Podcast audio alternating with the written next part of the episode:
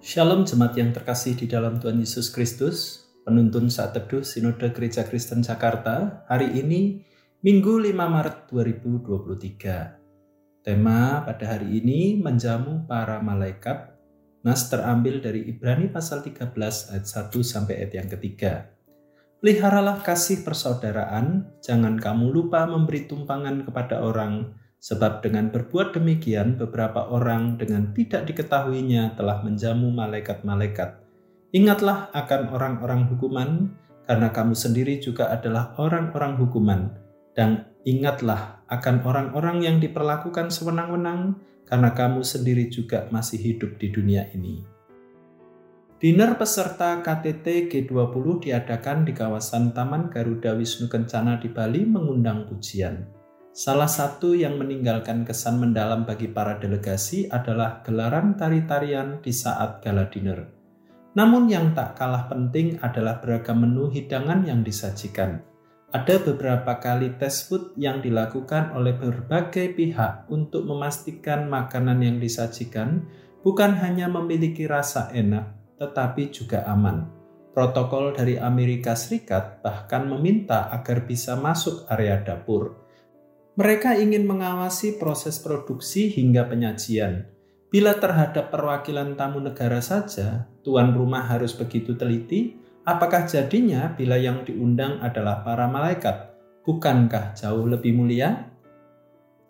Para malaikat di sini diwakili oleh saudara-saudara seiman yang berada dalam perjalanan dan kesulitan.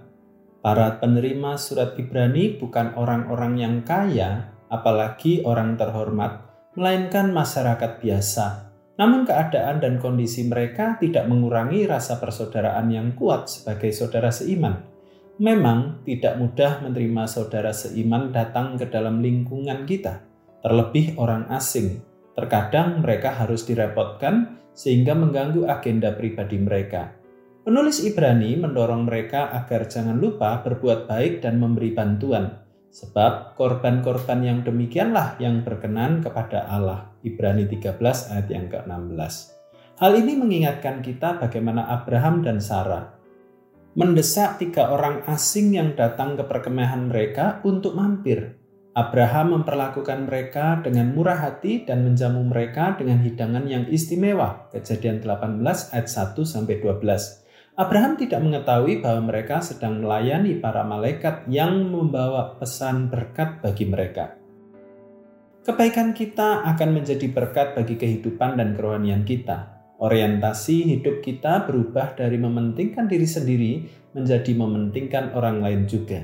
Kita memang tidak menjamu atau menolong seseorang dengan harapan untuk mendapatkan sesuatu dari mereka, namun kenyataannya justru kita lebih sering mendapat banyak berkat daripada yang kita berikan. Karena itu, janganlah jemu-jemu berbuat kebaikan dan menyebarkan kasih Tuhan agar orang lain diberkati.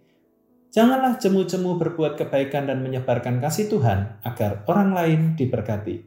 Selamat beraktivitas, Tuhan Yesus memberkati.